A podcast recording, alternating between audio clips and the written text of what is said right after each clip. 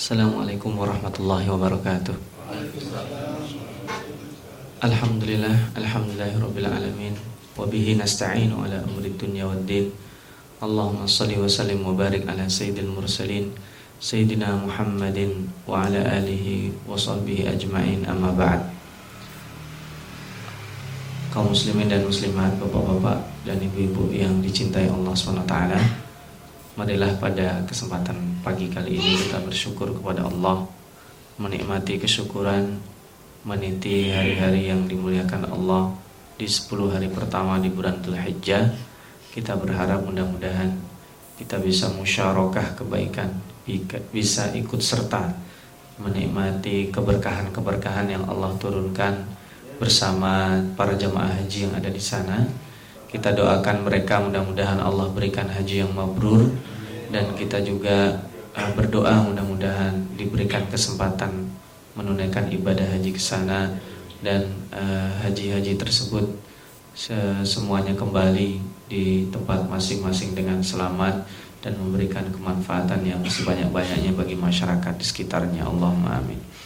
Pada kesempatan kali ini kita akan melanjutkan kembali lanjutan silsilah uh, tema sentral Al-Baqarah yaitu Bani Israel yang sekedar memberikan sambungan dari pekan lalu bahwa kita membicarakan satu kata penting pekan lalu yaitu al-kufru wal kafirin, kekafiran dan uh, orang-orang kafir. Maka lanjutan dua tema besar pada kesempatan kali ini nanti Allah akan sebutkan az-zulmu wal zalimin yaitu orang-orang zalim dan juga al-fisku wal fasiqin juga ada orang-orang yang fasik.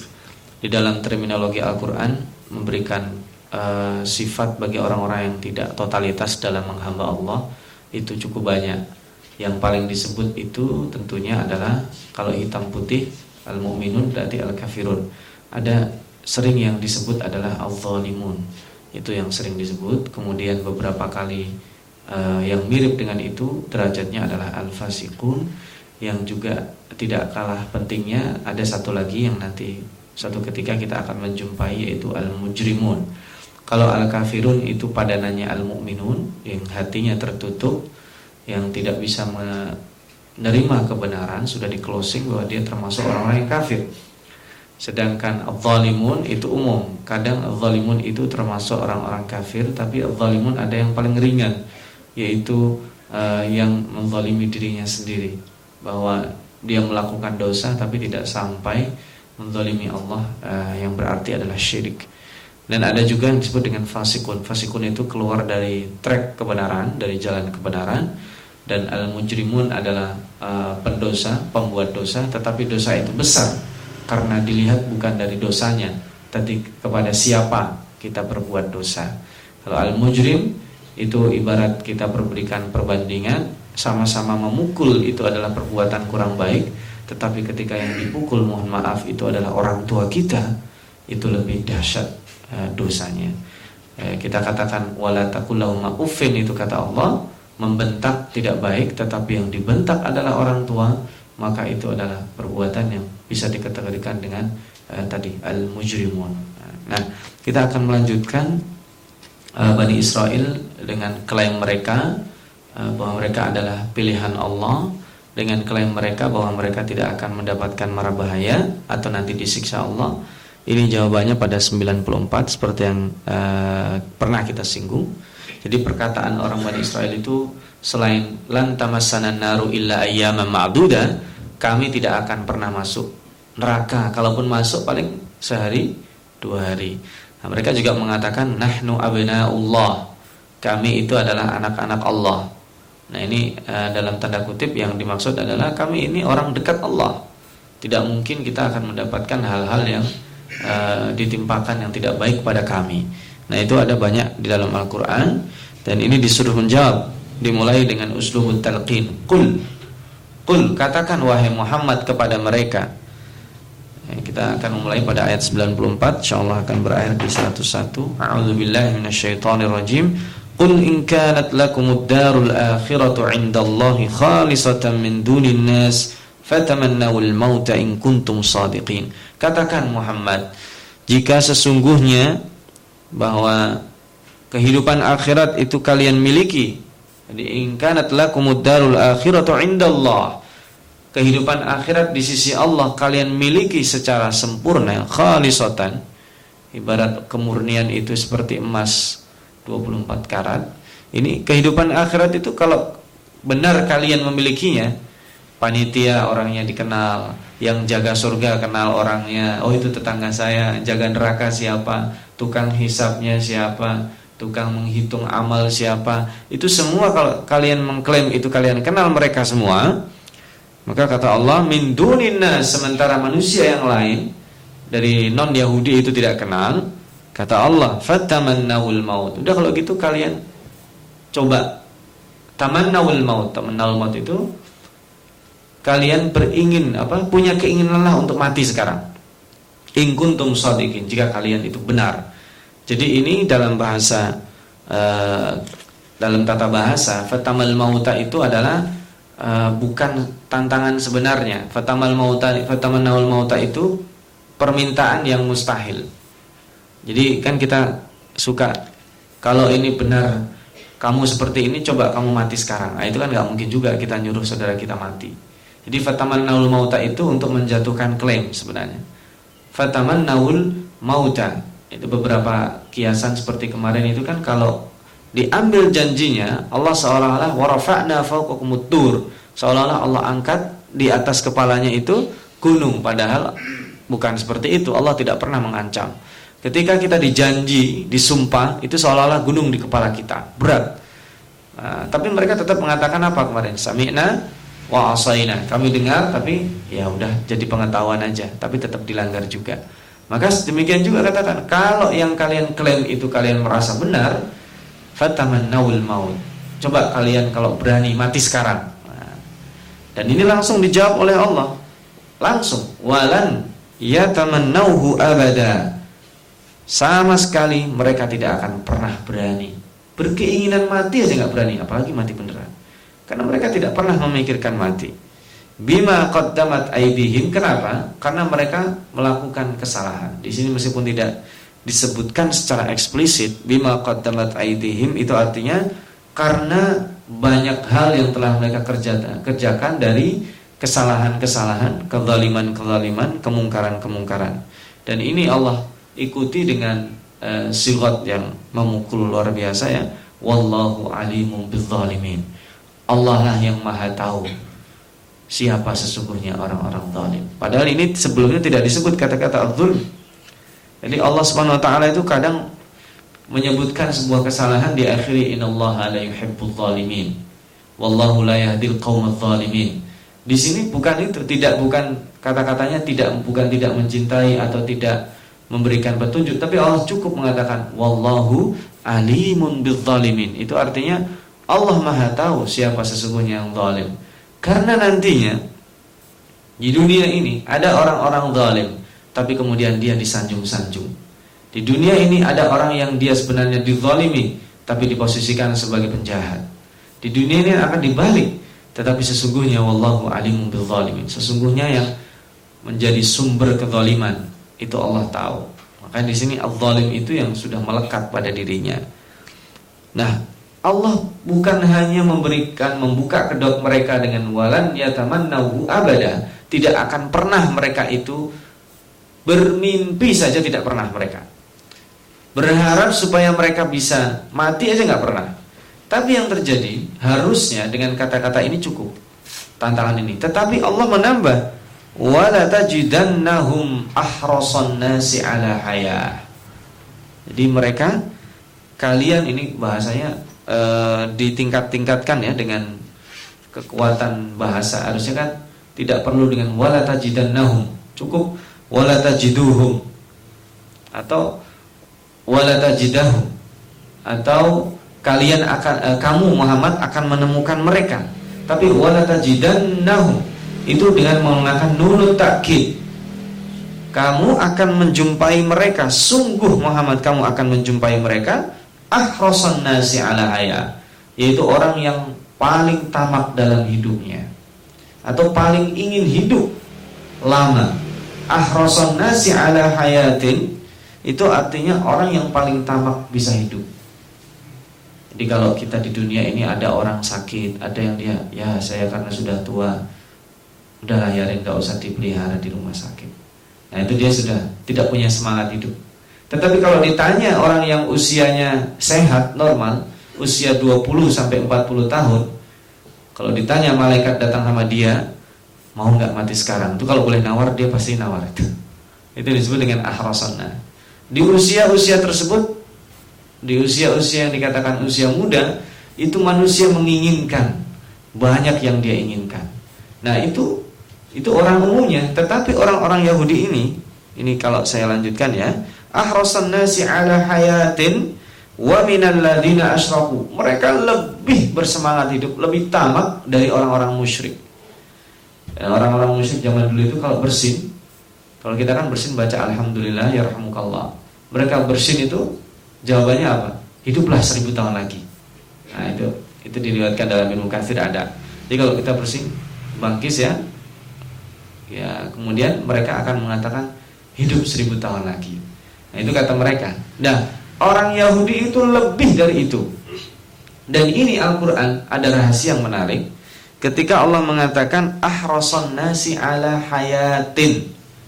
Hayatin itu dua kasrah yang dalam bahasa Arab disebut dengan sigot nakirah. Nakirah itu seperti kalau pernah kita tadaburi bersama ya, Lailatul Qadri khairun.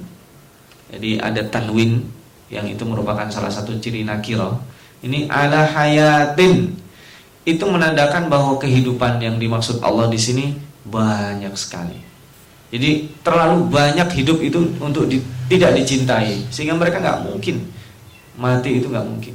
Kalau kita lihat, mohon maaf, ada seorang yang sengsara hidupnya, kemudian dia sakit, kemudian nggak ada yang ngerawat, dimasukkan rumah sakit sama orang. Ini orang kemungkinan e, harapan hidupnya kecil, ya, karena lunas ibarat kata. Siapa sih saya hidup sama nggak hidup nggak nggak apa, nggak ngaruh, sama saja. Maka lebih baik kalau saya boleh mati mati aja. Tapi mereka sebaliknya ini, seolah-olah mereka adalah orang paling kaya Kemudian seolah-olah semua orang mencintai mereka. Seolah-olah mereka dikelilingi oleh para orang yang menjilat mereka, punya kepentingan dengan mereka. Karena yang menguasai pasar ekonomi Madinah itu kan orang Yahudi. Maka orang seperti ini kira-kira mau mati nggak? Gak mungkin. Bukan hanya nggak mau mati, tetapi ahroson nasi Orang yang nomor satu kalau boleh ada perpanjangan hidup, mereka akan daftar pertama kali. Dan lihat, wa minal ladina asyraku lebih parah keinginannya daripada orang-orang musyrik. Orang musyrik yang dikenal sebelumnya yaitu bukan ahli kitab yang tidak percaya kepada nabi-nabi eh, apa ajaran Nabi Ibrahim. Orang musyrik itu adalah orang yang menyembah berhala. Nah, atau api dan sebagainya. Tapi bukan ada turunannya dari eh, Nabi Musa atau Nabi Isa alaihissalam. Ajarannya tidak ada sama sekali dari situ.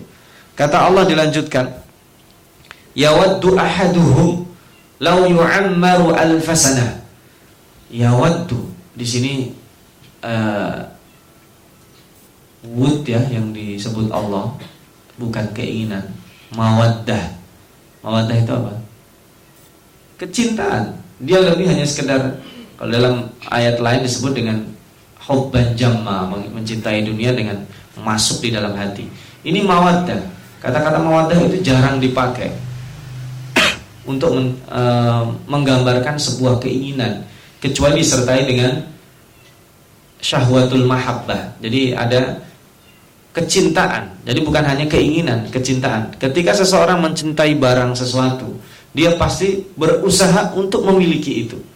Gak peduli berapapun itu harganya. Kan ada jenis manusia seperti itu ya dia maniak dengan suatu benda, kemudian dia cintai benda tersebut apa pun harganya. Padahal mungkin untuk orang lain gitu aja disenangin. Nah itu disebut dengan mawaddah uh, duniawi ya, mencintai dunia. Yawaddu, mereka ingin ahaduhum setiap seseorang di antara mereka lau yu'ammaru alfasanah. Ya, jadi mereka setiap setiap orang kalau ditanya kamu mau hidup berapa tahun lagi? Tadi dilihat dari bersihnya orang ya. Ketika bersihnya bukan alhamdulillah, bukan berdoa, bukan apa. Tapi mereka bilang, ish al fasana, hiduplah seribu tahun lagi. Aku masih hidup ingin seribu tahun lagi. Nah, al fasana itu Jadi angka-angka di dalam Al-Quran itu tidak selamanya memberikan hakikatnya. Di dalam ayat Al-Baqarah nanti disebut permisalan orang yang berbuat baik itu bisa sampai 700 kali lipat. Itu bisa jadi sesungguhnya tapi e, para pakar bahasa itu tidak sesungguhnya. Itu hanya untuk menunjukkan banyaknya yang mereka inginkan. Karena seribu tahun orang pun kalau hidup seribu tahun susah Nah, karena kelahiran itu lebih tinggi daripada kematian. Apalagi kalau masing-masing dapat jatah seribu tahun lagi, penuh itu dunia. Nah, seribu tahun itu untuk menunjukkan betapa mereka inginnya banyak. Padahal kata-kata banyak menurut dalam bahasa Arab itu macam-macam ya. Ada orang ketika disebut sitin kata Sitin itu 60 kata Jadi 60 kali berbuat bohong. Padahal kalau dihitung-hitung kita juga berbohong tidak sampai 60 kali. Jadi 60 kamu sitin kata Sitin kata itu artinya pembohong. Jadi nggak pernah saya dengar kata-kata yang jujur dari kamu itu sitin kata itu sudah uh, luar biasa. Ya, jangan ditanya kenapa yang dibeli angka 60 itu dari sananya istilah. Nah di sini alfasana seribu itu angka besar. Kecuali kita di Indonesia seribu nggak dapat apa-apa kalau dihitung dari uangnya. Jadi kata-kata seribu itu besar. Nah, wa ma huwa bimuzahzihi minal adabi ayyu'ammar dan mereka sama sekali tidak akan pernah terlepas dari azab Allah ketika mereka diberikan umur itu. Jadi gini, maksudnya yawaddu ahaduhum law yu'ammaru alfasana kalau mereka dihidupkan sampai seribu tahun tidak akan ada pernah perubahan. Justru yang mereka lakukan itu akan menyeret mereka pada adab. Tidak bisa mereka itu bergeser. Kan ada orang yang mungkin ini orang umurnya masih 40 tahun ya mudah-mudahan ntar kalau 10 tahun lagi dia lebih baik itu langsung dimentahkan nggak mungkin karena tabiatnya seperti itu atau gini kita melihat orang misalnya dia belum menikah ugal-ugalan dan sebagainya ketika anak pertamanya lahir itu ada harapan ah ini mudah-mudahan dia bisa merubah akhlaknya karena sudah punya anak Ternyata enggak juga dan tidak akan pernah seperti itu. Jadi lau yu'ammaru alfasana itu maksudnya akan kayak gitu. Dan kata Allah, wallahu basirun bima ya'malun. Ini bukan sembarang ya. Kalau yang pertama tadi alimun, alimun itu maha tahu secara detil yang zahir dan yang batin. Kita ke sini niatnya apa? kita berziarah kepada saudara kita niatnya apa? Itu tahu Allah. Alimun. Dan alimun bukan yang baik Allah sebut. Bizzalimin sesungguhnya zalim. Si zalim. Atau kezaliman itu sendiri Allah tahu secara detail kan ada kezaliman tapi kedoknya dengan kebaikan banyak sekali kezaliman yang kedoknya kebaikan justru orang-orang para mafia-mafia eh, yang dikenal di dunia ini bisa jadi mereka juga membuat rumah yatim. Bisa jadi mereka adalah menghajikan dan mengumrohkan orang. Bisa jadi mereka menyantuni para janda. Bisa jadi mereka mendirikan pondok tahfidz Al-Quran. Kita tidak tahu, makanya kita tidak bisa mengklaim kecuali dengan yang zahir. Tapi Allah tidak. Alimun bizzalimin. Dan setelah itu basirun. Basirun yang dipilih itu basirah. Dengan Allah Maha melihat. Kenapa di sini? Melihat? Ya nanti kita lihat. Kayak misalkan gimana pendapat anda bla bla bla bla bla. Kalau dua tahun lagi apa yang akan anda lakukan? Kan kita sering kita lihat aja nanti. Sering gitu ya. Kita lihat aja nanti. Yang membuktikan dia berubah enggak kalau dikasih seribu tahun kita lihat aja nanti kalau manusia ngomongnya hanya kita lihat saja nanti tetapi Allah mengatakan basirun Allah maha melihat setiap detik mereka melakukan apa pun Allah melihat Makanya basirun bima ya'malun itu artinya ya sama saja. Mereka tidak akan pernah berubah. Makanya dikatakan lagi ini satu tema ya. Coba kita perhatikan. Tiga ayat cukup panjang ya di dalam Al-Qur'an. Itu temanya satu. Apa temanya? Mereka adalah orang-orang yang takut mati. Nah, maka kalau kita lihat sekarang dalam dalam konteks kekinian ya, orang-orang Zionis Yahudi itu membangun temboknya setinggi apa? Bapak-bapak bisa lihat akses di internet, melihat berita televisi. Temboknya tinggi, bahkan kalah dengan tembok Berlin yang hanya separohnya. Tembok Berlin itu nggak nyampe 4 meter, tebalnya juga tidak setebal itu. Itu tinggi sekali dan luar biasa tingginya. Sudah tinggi di baliknya itu sudah ada keamanan, kamera-kamera dan juga senjata-senjata berat. itu menandakan sangat berat sekali. Di dalam ayat Al-Hasyr bahkan Allah katakan, la yuqatilunakum jami'an illa fi quram muhassanatin aw min wara'i judur. Mereka tidak akan pernah berani memerangi kalian kecuali di sebuah tempat, sebuah desa, sebuah uh, tempat hunian yang dikelilingi oleh tembok-tembok. Quram muhassanatin aw min wara'i judur atau di balik tembok-tembok. Nah, sudah ada nasnya di dalam Al-Qur'an. Maka kita tidak heran ketika ada tembok pemisah itu. Yang dipisahkan itu strategi politiknya macam-macam. Tetapi yang paling utama karena mereka takut. Nanti ada sebab-sebab berikutnya untuk memisahkan orang Palestina yang di luar dan di dalam. Untuk memisahkan mengadu domba dan itu banyak. Tetapi utamanya adalah bahwa mereka ingin hidup berapa tahun tadi? Seribu tahun. Jadi intinya orang yang takut hidup maaf, orang yang takut mati itu sulit untuk bisa memvisualisasikan kematian.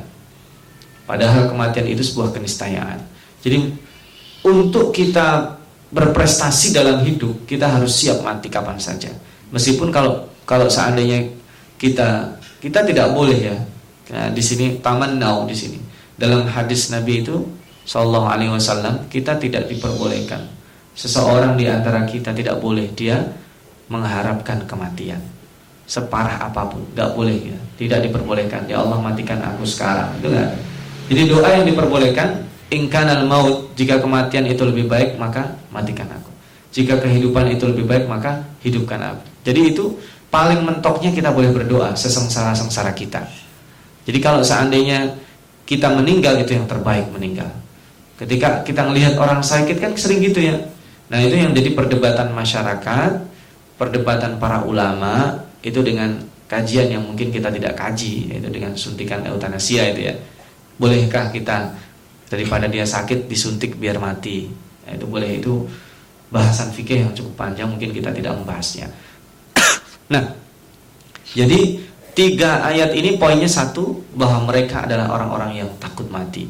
Padahal mereka udah berani klaim kan lan tamassana naru ila ayyam uh, kami nggak bakal disiksa kecuali beberapa hari. Tapi di sini kata Allah, ala hayatin. Itu kehidupan yang sangat bermacam-macam. Nah,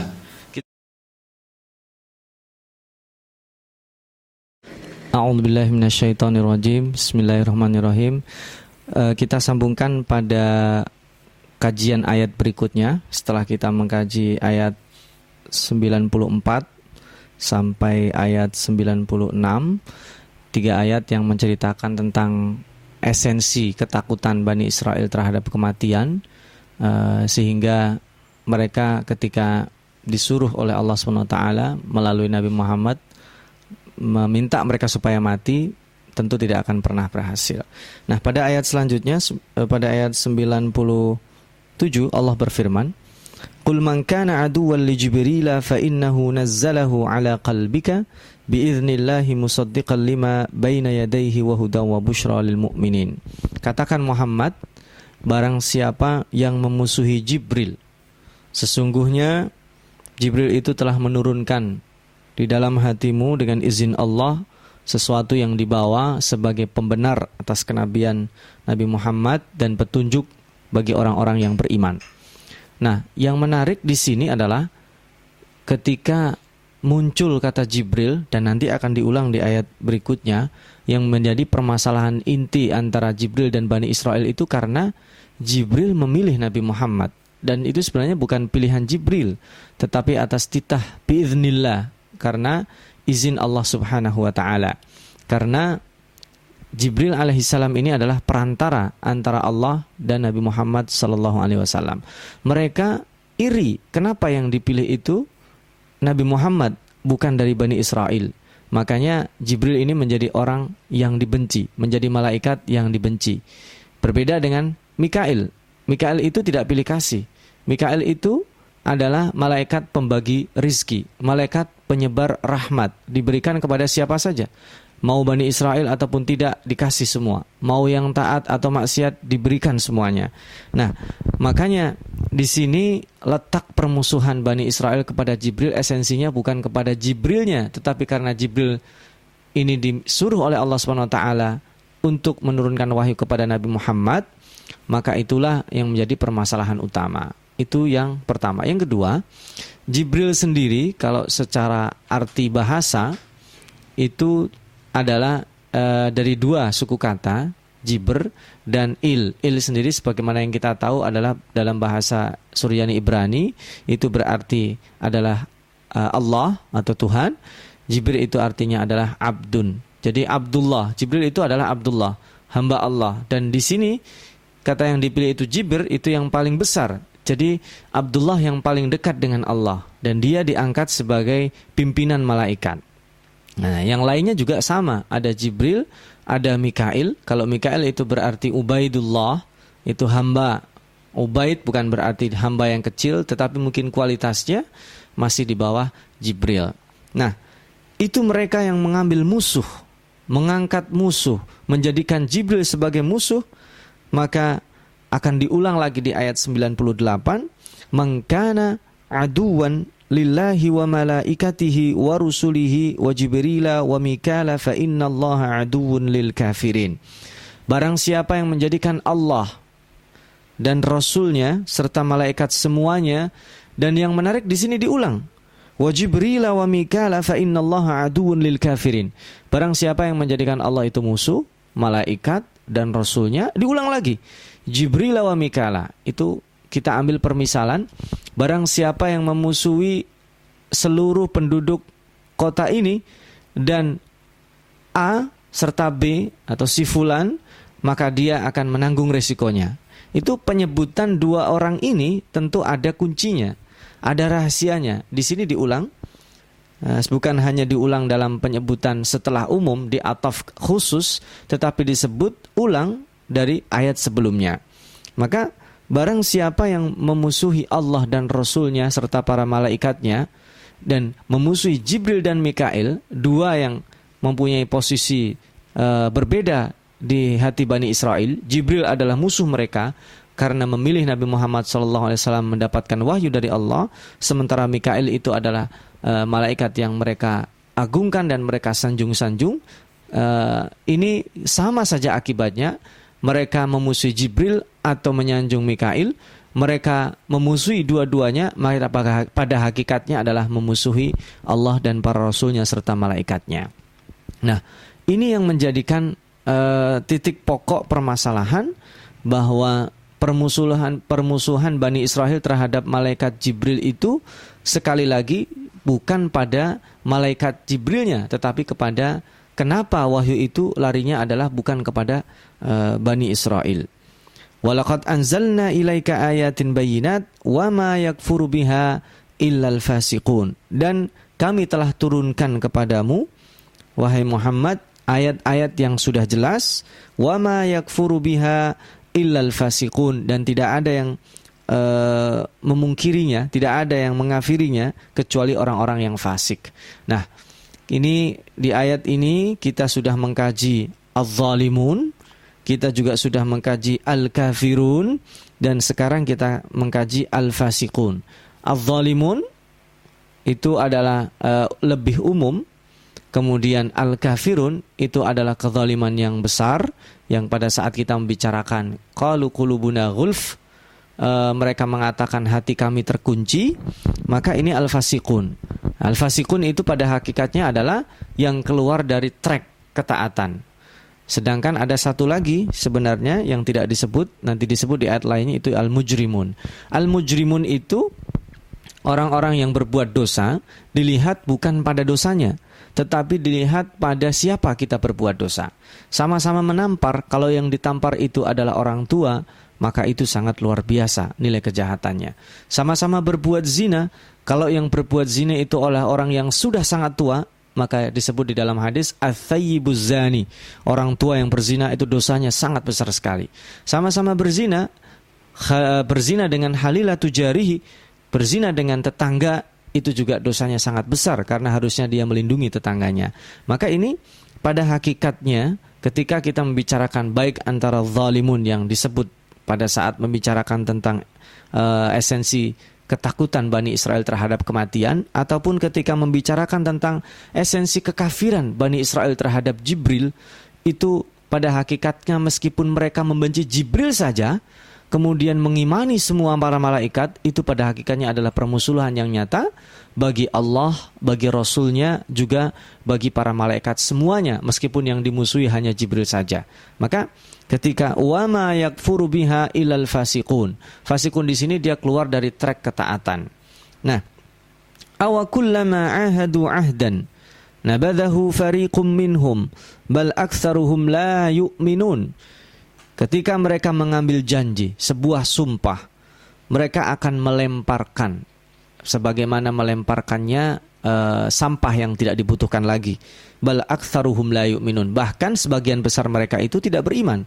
Ini adalah uh, tanawu dalam bahasa Arab. Kalau yang tadi disebut al-kafirun, sekarang disebut la yu'minun itu tidak beriman. Berarti ini menafikan uh, peluang untuk mereka supaya beriman. Barangkali orang yang kafir tertutup hatinya, suatu ketika terbuka hatinya dia bisa beriman. Tetapi di sini Allah kunci ketika di ayat sebelumnya itu adalah uh, wama fa innallaha aduun lil kafirin. Allah itu menjadi musuh orang-orang kafir. Kemudian kafir diulang lagi wama yakfuru biha ilal fasiqun, tidak akan diingkari atau dikafiri kecuali oleh orang-orang fasik. Maka ketika dikunci bal aktsaruhum la yu'minun berarti tidak ada peluang bagi mereka untuk beriman. Kenapa? Ini penyakit kedua yang sangat-sangat berbahaya setelah penyakit pertama Bani Israel yaitu takut mati. Penyakit kedua itu adalah iri dan dengki. Karena iri dan dengki inilah yang menyebabkan mereka memusuhi pertama adalah Jibril. Maka di ayat yang tadi kita tadaburi, mengkana aduan li Jibril itu adalah sumbu dari iri. Kemudian dari iri itu akan melebar. Hakikat irinya akan membuat permusuhan mereka kepada Allah pada hakikatnya. Meskipun mereka mungkin mengklaim, oh kami tidak memusuhi Allah. Justru kami adalah orang yang dimuliakan Allah. Kalaupun disiksa satu dua hari, kami adalah Allah. Kami itu adalah orang yang dekat dengan Allah. Maka ini pemahaman yang salah. Dan Allah menguncinya Jelas-jelas Allah katakan fa innallaha aduun. Sesungguhnya Allah adalah musuh. Musuh dalam kondisi apa pun. Mereka dalam kondisi senang adalah musuh Allah. Dalam kondisi susah, musuh Allah. Dalam kondisi mereka berhadapan dengan Nabi Muhammad, musuh Allah. Dalam keadaan tidur, mereka akan semua dalam kondisi dimusuhi oleh Allah Subhanahu wa taala. Dan di, di, ditingkatkan permusuhan itu dengan melabeli mereka dengan al-fasikun dan terakhir ditutup dengan la yu'minun. Nah, Walamma ja'ahum rasulun min indillahi musaddiqun lima ma'ahum nabadha fariqun minal ladzina utul kitab kitab Allahi wara'a dhuhurihim ka'annahum la ya'lamun. Dan ketika datang kepada mereka rasul yaitu Nabi Muhammad min indillah musaddiqun lima ma'ahum yang membenarkan yang mendukung dari yang selama ini ada sama mereka, yaitu kitab suci mereka, tetapi yang mereka ketahui itu mereka sembunyikan, bahkan mereka buang, yaitu apa? Ini ini harusnya sebenarnya tidak perlu Allah katakan minalladina utul kitab. Ini supaya untuk menyakiti perasaan mereka bahwa pada hakikatnya mereka sudah didatangkan kitab kepada mereka. Sudah diberikan suhuf, sudah diberikan janji dan diberikan kitab suci. Tetapi lihat Kata Allah di sini nabadha fariqum minhum di antara mereka dan ini besar sebagian besar dari mereka minalladzina utul kitab kitab Allah. Jadi kitabnya langsung diulang di belakangnya. Orang yang menerima kitab itu langsung dibuang kitabnya itu wara'a berada di belakang mereka ka'annahum la ya'lamun seolah-olah mereka tidak mengetahuinya. Hakikatnya mereka kenal tapi pura-pura tidak kenal. Hakikatnya mereka hafal dan tahu tapi mereka mengaku tidak mengetahuinya. Ini tadi karena penyakit iri. Dua masalah besar inilah yang menjadi uh, problem serius yang dialami oleh Bani Israel sehingga mereka sangat memusuhi umat Islam wabil khusus dimulai dari sejak Nabi Muhammad sallallahu alaihi wasallam. Jadi sebagai closing kajian kita pada kesempatan kali ini tema besar ayat yang kita pelajari ini bahwa kalau mereka mengklaim bahwa kami adalah bangsa yang dipilih Allah atau kami tidak akan disiksa kecuali satu dua hari, katakan Muhammad, suruh mereka mana? Fatamannawul mauta in kuntum sadiqin, tapi mereka tidak akan pernah. Karena mereka menginginkan. Dalam bersihnya saja mereka ingin kataannya adalah ish al fasana ingin hidup seribu tahun. Yang kedua uh, yang sangat akut menyebabkan permusuhan terhadap Islam adalah karena mereka iri dimulai dari Jibril. Yang uh, sebenarnya kalau dari susunan susunannya uh, Jibril itu adalah Abdullah hamba Allah. Dia statusnya tidak jauh berbeda dengan dengan manusia yang lainnya atau makhluk yang lainnya yang sama. Selama menyembah Allah mereka adalah hamba Allah. Dua ini mengakibatkan apa? Nabadha fariqum minhum mereka akan melempar apa saja. Janji terhadap Allah yang kemarin kita gambarkan, kita visualisasikan seolah-olah gunung di atas mereka diabaikan juga. Sami'na wa asaina, apalagi kitab Al-Quran yang datang setelahnya itu dianggap tidak berguna. Mungkin ini uh, sedikit pada pertemuan kali ini yang uh, bisa kita tadaburi rangkaian dari uh, kajian tematik dua tema besar takut mati dan iri menjadi penyakit yang harus kita singkirkan. Insya Allah kita akan sambung pada pertemuan berikutnya membahas tentang uh, dunia Nabi Sulaiman dan jin-jin yang uh, hakikatnya uh, ditundukkan oleh Allah kepada Nabi Sulaiman. Mudah-mudahan menjadikan kita makin dekat dengan Al-Quran dan mudah-mudahan Allah berikan kemampuan kita bertahan meningkatkan kualitas kebaikan di 10 uh, hari pertama bulan Dhul Hijjah. Aku lu qauli hadza ja'alanallahu iyyakum minal ladina yastami'una al-qaula fayattabi'una ahsanah. Wassalamualaikum warahmatullahi wabarakatuh.